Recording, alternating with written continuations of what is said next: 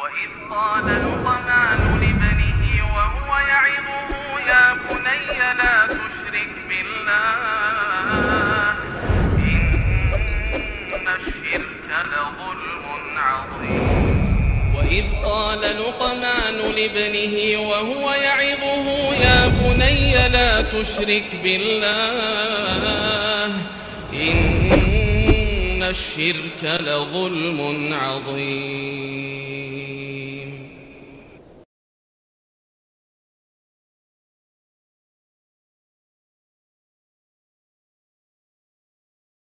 السلام عليكم ورحمة الله وبركاته. إن الحمد لله نحمده ونستعينه ونستغفره ونعوذ بالله من شرور أنفسنا وسيئات أعمالنا. من يهده الله فهو المهتد ومن يضلل فلن تجد له وليا مرشدا. أشهد أن لا إله إلا الله وحده لا شريك له وأشهد أن محمدا عبده ورسوله الذي لا نبي بعده. وقال الله سبحانه وتعالى يا أيها الذين آمنوا اتقوا الله حق تقاته ولا تموتن إلا وأنتم مسلمون. وقال عز من قال يا أيها الذين آمنوا اتقوا الله وقولوا قولا سديدا. يصلح لكم أعمالكم ويغفر لكم ذنوبكم. ومن يطع الله ورسوله فقد فاز فوزا عظيما. يا أيها الناس اتقوا ربكم الذي خلقكم من نفس واحدة وخلق منها زوجها وبث منهما رجالا كثيرا ونساء. واتقوا الله الذي تساءلون به والأرحام. إن الله كان عليكم رقيبا. أما بعد إن أصدق الحديث كتاب الله وخير الهدي هدي محمد صلى الله عليه وسلم وشر الأمور محدثاتها وكل محدثة بدعة وكل بدعة ضلالة وكل ضلالة في النار.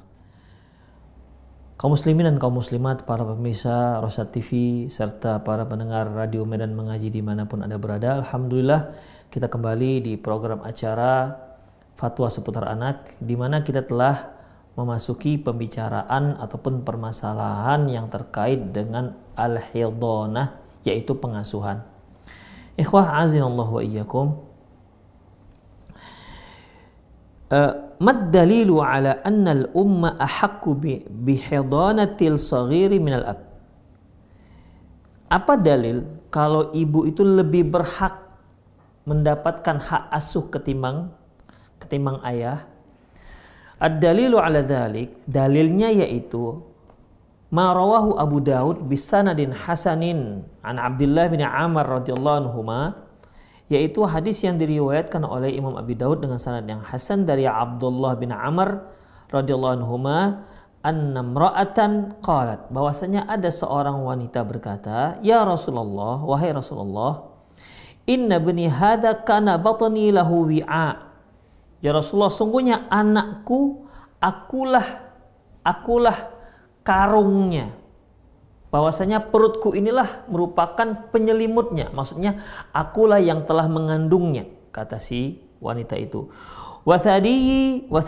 Lahu dan payudaraku sebagai susunya sebagai minumnya. Kemudian wa wahijri lahu hawa. Dan bahwasanya eh, pangkuankulah yang dia dapatkan kehangatan. Wa inna abahu tallaqani wa arada ayyunzi'ahu minni. Ayahnya, ayah si anak ini sudah menceraikanku dan dia mau merebutnya dariku. Jadi ketika seorang wanita ini datang kepada Rasulullah Shallallahu Alaihi Wasallam, dia hanya memberi, dia memiliki satu keinginan, yaitu masalah masalah perkenankan dia diberi hak untuk mengasuh. Tapi kan untuk mendapatkan ini perlu ada pendukung-pendukung, perlu ada penguat-penguat, perlu ada hujah. Makanya si ibu ini masya Allah termasuk ibu yang cukup pintar. Dia tidak langsung pada poin bahwasanya dia ingin dia ingin agar hak asuh itu jatuh pada dirinya. Tidak itu. Tapi dia beri mukaddimah. Ini menunjukkan wanita ini cukup cerdas orangnya. Apa katanya? Dia memilih satu dia memilih satu hal yang di, dia memilih beberapa hal yang tidak bisa dilakukan oleh seorang ayah. Ya. Dia memilih beberapa hal, beberapa perkara di mana perkara tersebut tidak ada pada seorang ayah. Pertama dia sebutkan ya Rasulullah, sesungguhnya perutkulah yang menjadi selimut si anak. Artinya ya Rasulullah dulu ketika dia masih janin, akulah yang mengandungnya dalam dalam perutku. Perkara ini kan tidak ada, ya. Perkara ini tidak ada dilakukan oleh seorang suami terhadap anaknya. Kemudian wa wasadiya lahu dan dariku air susunya untuk minumnya, untuk untuk gizi dia, aku yang memberikan, aku yang menyusui dan itu itu dariku. Dan ini juga nggak ada pada diri seorang ayah. Ya, tidak ada seorang ayah yang bisa menyusui anaknya. Demikian. Kemudian wahijri lahu hawa. Di pangkuankulah dia mendapatkan kehangatan. Kita lihat bagaimana seorang anak ketika dia sudah dipeluk oleh ibunya dan si anak menyusu dari air susu ibunya, itu si anak akan merasakan ketenangan. Ya, merasakan ketenangan, merasakan kehangatan, merasakan bagaimana kuatnya ikatan jiwa antara bayi dengan ibunya. Sebagaimana yang telah kita bahas secara detail di masalah yaitu penyusuan. Demikian ikhwah. Tiga hal inilah yang dijadikan si wanita ini ya sebagai dalil bahwasanya bahwa dia dia lebih berhak untuk mendapat hak asuh ketimbang ketimbang mantan suaminya. Nah, setelah menyebutkan tiga hal ini, maka dia katakan, "Ya Rasulullah, inna abahu." Ya Rasulullah, ayah si anak ini. Ya, maksudnya ya mantan suaminya yang telah men, uh, mentalak dia Sesungguhnya ayah uh, anak ini ingin ingin mengambilnya dari hak pengasuhanku kata si wanita. Faqala Rasulullah sallallahu alaihi wasallam lantas Rasulullah sallallahu alaihi wasallam mengatakan anti ahakku bihi kata Rasulullah kamu lebih berhak ketimbang ayahnya kamu sebagai ibu si anak ibu kandung lebih berhak pengasuh, mengasuhnya ketimbang ayahnya. Malam tangkahi selama kamu belum menikah. Jadi apabila seorang istri bercerai dengan suaminya, kemudian dia punya anak kecil, maka si ibulah, si si perempuan, si istri inilah lebih berhak mendapatkan hak asuh si anak. Dia lebih berhak untuk mengasuh si anak dia tidak bisa dipisahkan dengan si anak.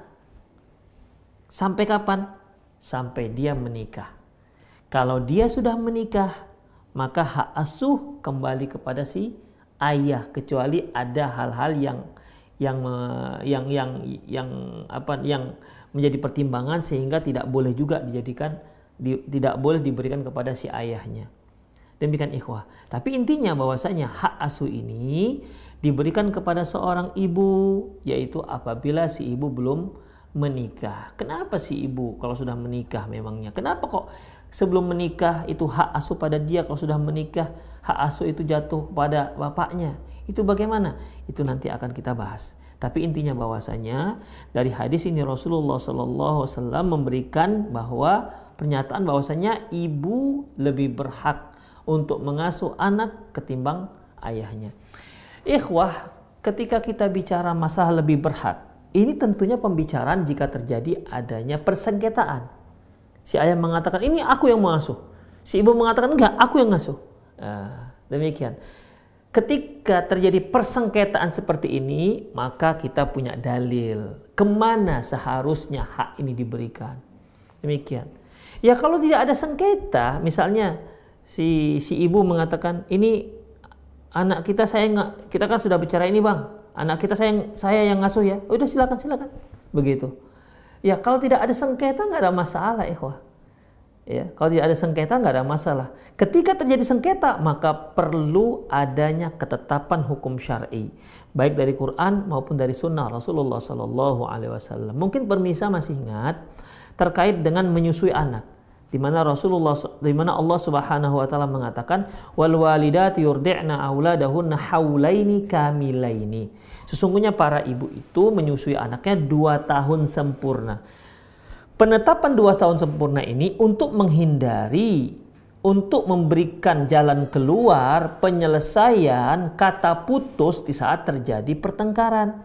Misalnya nih si ibu mengatakan, karena kan ketika dia menyusu anaknya, dia berhak mendapatkan nafkah dari si si mantan suami. Taip. Kata si ibu, saya mau menyusui ini anak sampai lima tahun misalnya. Ya, kata suami enggak, hanya cukup setahun aja cukup. Ngapain lama-lama? Begitu. Ya mungkin masing-masing merasa apa namanya maslahat kembali kepada dirinya. Si ibu si anak dia dilama-lamakan menyusuinya supaya apa? Supaya nafkahnya terus jalan. Si ayah berupaya untuk menyegerakan supaya setelah itu tidak ada lagi nafkah upah untuk menyusui. Demikian. Maka ikhwah untuk menengahi persengketaan ini maka Quran ya menyebutkan berapa lamanya seorang ibu menyusui anak yaitu haulaini kamilaini dua tahun sempurna. Liman aroda ayutim marrodo'ah bagi siapa yang ingin menyempurnakan penyusuannya. Kalau ada seorang ibu menyusui lebih daripada dua tahun, maka maka si suami tidak mantan suami atau ayah si anak ini tidak lagi berkewajiban untuk memberikan nafkah upah penyusuan tersebut. Demikian. Sama halnya seperti ini, ikhwah ya. Ketika tidak ada jadi per, tidak ada terjadi pertengkaran persengketaan tentang masalah anak ya aman-aman saja. Bisa saja kata si istri bang ini sebenarnya kan hak aku yang akan mengasuhnya. Udah sekarang abang aja. Udah abang aja asuhnya anak. Udah aku mau keliling-keliling dulu misalnya. Ya mau keliling-keliling Indonesia dulu misalnya. Nggak mau jadi dibontotin dengan anak misalnya. Nggak ada masalah. Ya nggak ada masalah. Atau misalnya Si istri mengatakan, "Mbak, Bang, ini biar saya aja yang me, apa namanya yang mengasuhnya sampai dia nanti dewasa." Kata suami, "Ya, baik deh, nggak apa-apa." Enggak ada masalah. Ya, karena tidak ada persengketaan. Di saat terjadi persengketaan, inilah dia turun hadisnya. Muncul hadis untuk menyelesaikan menengah men, uh, menengahi persengketaan, yaitu anti ahakku bihi. Sesungguhnya engkau lebih berhak untuk mengasuh si anak ya malam tangkahi selama kamu belum menikah. Kalau sudah menikah berarti kamu tidak lagi berhak, tidak lagi lebih berhak terhadap pengasuhan si anak ketimbang si si ayah, ayah si bayi. Fadal hadis ala annahu idza iftaraqa abwan wal huma waladun fal, fal ummu ahakku bihi minal ab ma lam yakum bil ummi ma yamna'u taqdimuhu au bil waladi wusifat yaqtadi takhyir. Au bil waladi wasfun yaqtadi takhyir. Hadis ini membuktikan bahwasanya ketika uh, ibu dan ayah itu berpisah dan mereka memiliki anak, maka si ibulah lebih berhak untuk mendapatkan hak asuh, mendapatkan hak asuh ketimbang si ayah selama si ibu tidak melakukan hal-hal yang menghalangi dia untuk mendapatkan hak asuh tersebut. Misalnya ini ya, si anak ya sudah berarti dia diberikanlah kepada ibunya sebagai hak asuh karena si ibu juga belum menikah. Tapi permasalahannya ibunya ini gila. Ya otomatis tidak diberikan. Nanti jangan-jangan ikut gila pula anaknya. Siapa yang akan mendidik? Karena yang namanya asuh itu tidak hanya memberi makan, pendidikan juga, perhatian juga, pengawasan juga. Kalau orang gila apa yang bisa diberikan? Pengawasan tidak, memberikan nafkah tidak, pendidikan apalagi ya akan tidak akan. Dengan demikian kalau dia diberikan kepada orang yang lebih berhak yaitu ibu, sementara itu akan bermudarat kepada si bayi, si anak kecil, maka maslahat si anak lebih diutamakan ketimbang hak si ibu. Demikian. Atau mungkin si ibu seorang yang fasik. Setiap malam dia apa namanya dugem misalnya.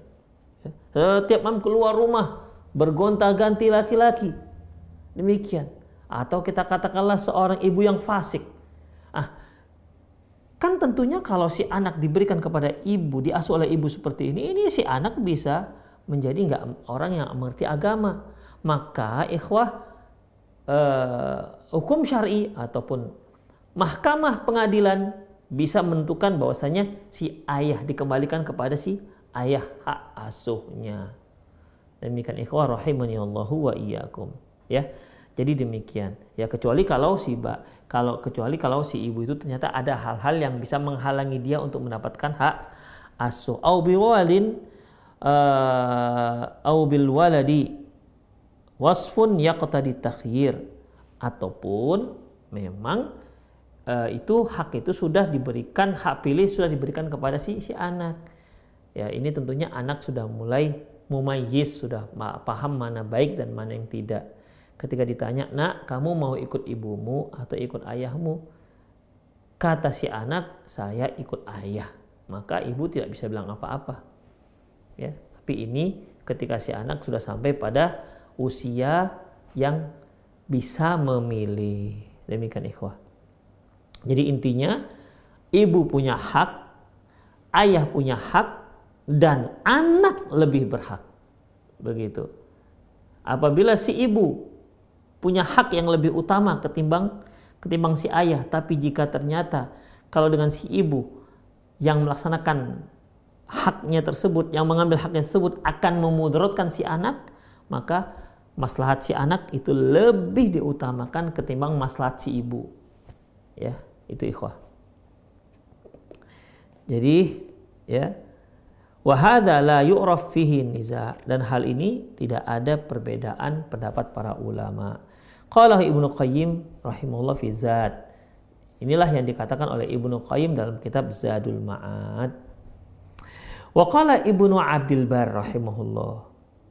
La a'lamu khilafan bainas salafi minal ulama. Aku tidak mengetahui adanya perbedaan para ula, dari antara para ulama-ulama salaf wal khalaf dan juga para ulama khalaf annal mar'atal mutallaqata idza lam tatazawwad ahaqqu biwaladiha min abih bahwasanya wanita yang diceraikan dia lebih berhak untuk mengasuh anaknya ketimbang ayahnya, ketimbang ayah si anak. Madama tiflan la yatamayyazu syai'an, yaitu selama si anak itu memang masih kecil, ya. Selama si anak memang masih kecil belum bisa memilih. Idza kana fi harajin wa kifayatin wa lam yathbut min hafiz selama si anak itu memang terjaga atau terpenuhi semua kebutuhannya eh, walam yathbut min hafiz dan tidak diketahui ada kes, uh, kefasikan pada si wanita tersebut. Demikian ikhwah rahimani Allah wa Jadi intinya bahwasanya ya bahwasanya ucapan Rasulullah mengatakan kepada seorang wanita yang mempertanyakan tentang hak asuh kata beliau anti ahakku bihi. Sesungguhnya engkau lebih berhak mendapatkan hak asuh. Hanya Rasulullah tidak memberikan hukum mutlak. Beliau memberikan batas waktu malam tangkahi selama kamu belum menikah. Jadi ikhwah. Jadi kalau sudah menikah gimana? Berarti kalau sudah menikah berarti hak itu tidak lagi diberikan kepada si si ibu hak asuh. Itu pun kalau si ayah ya itu pun kalau si ayah tidak menggugat hak asuh tersebut.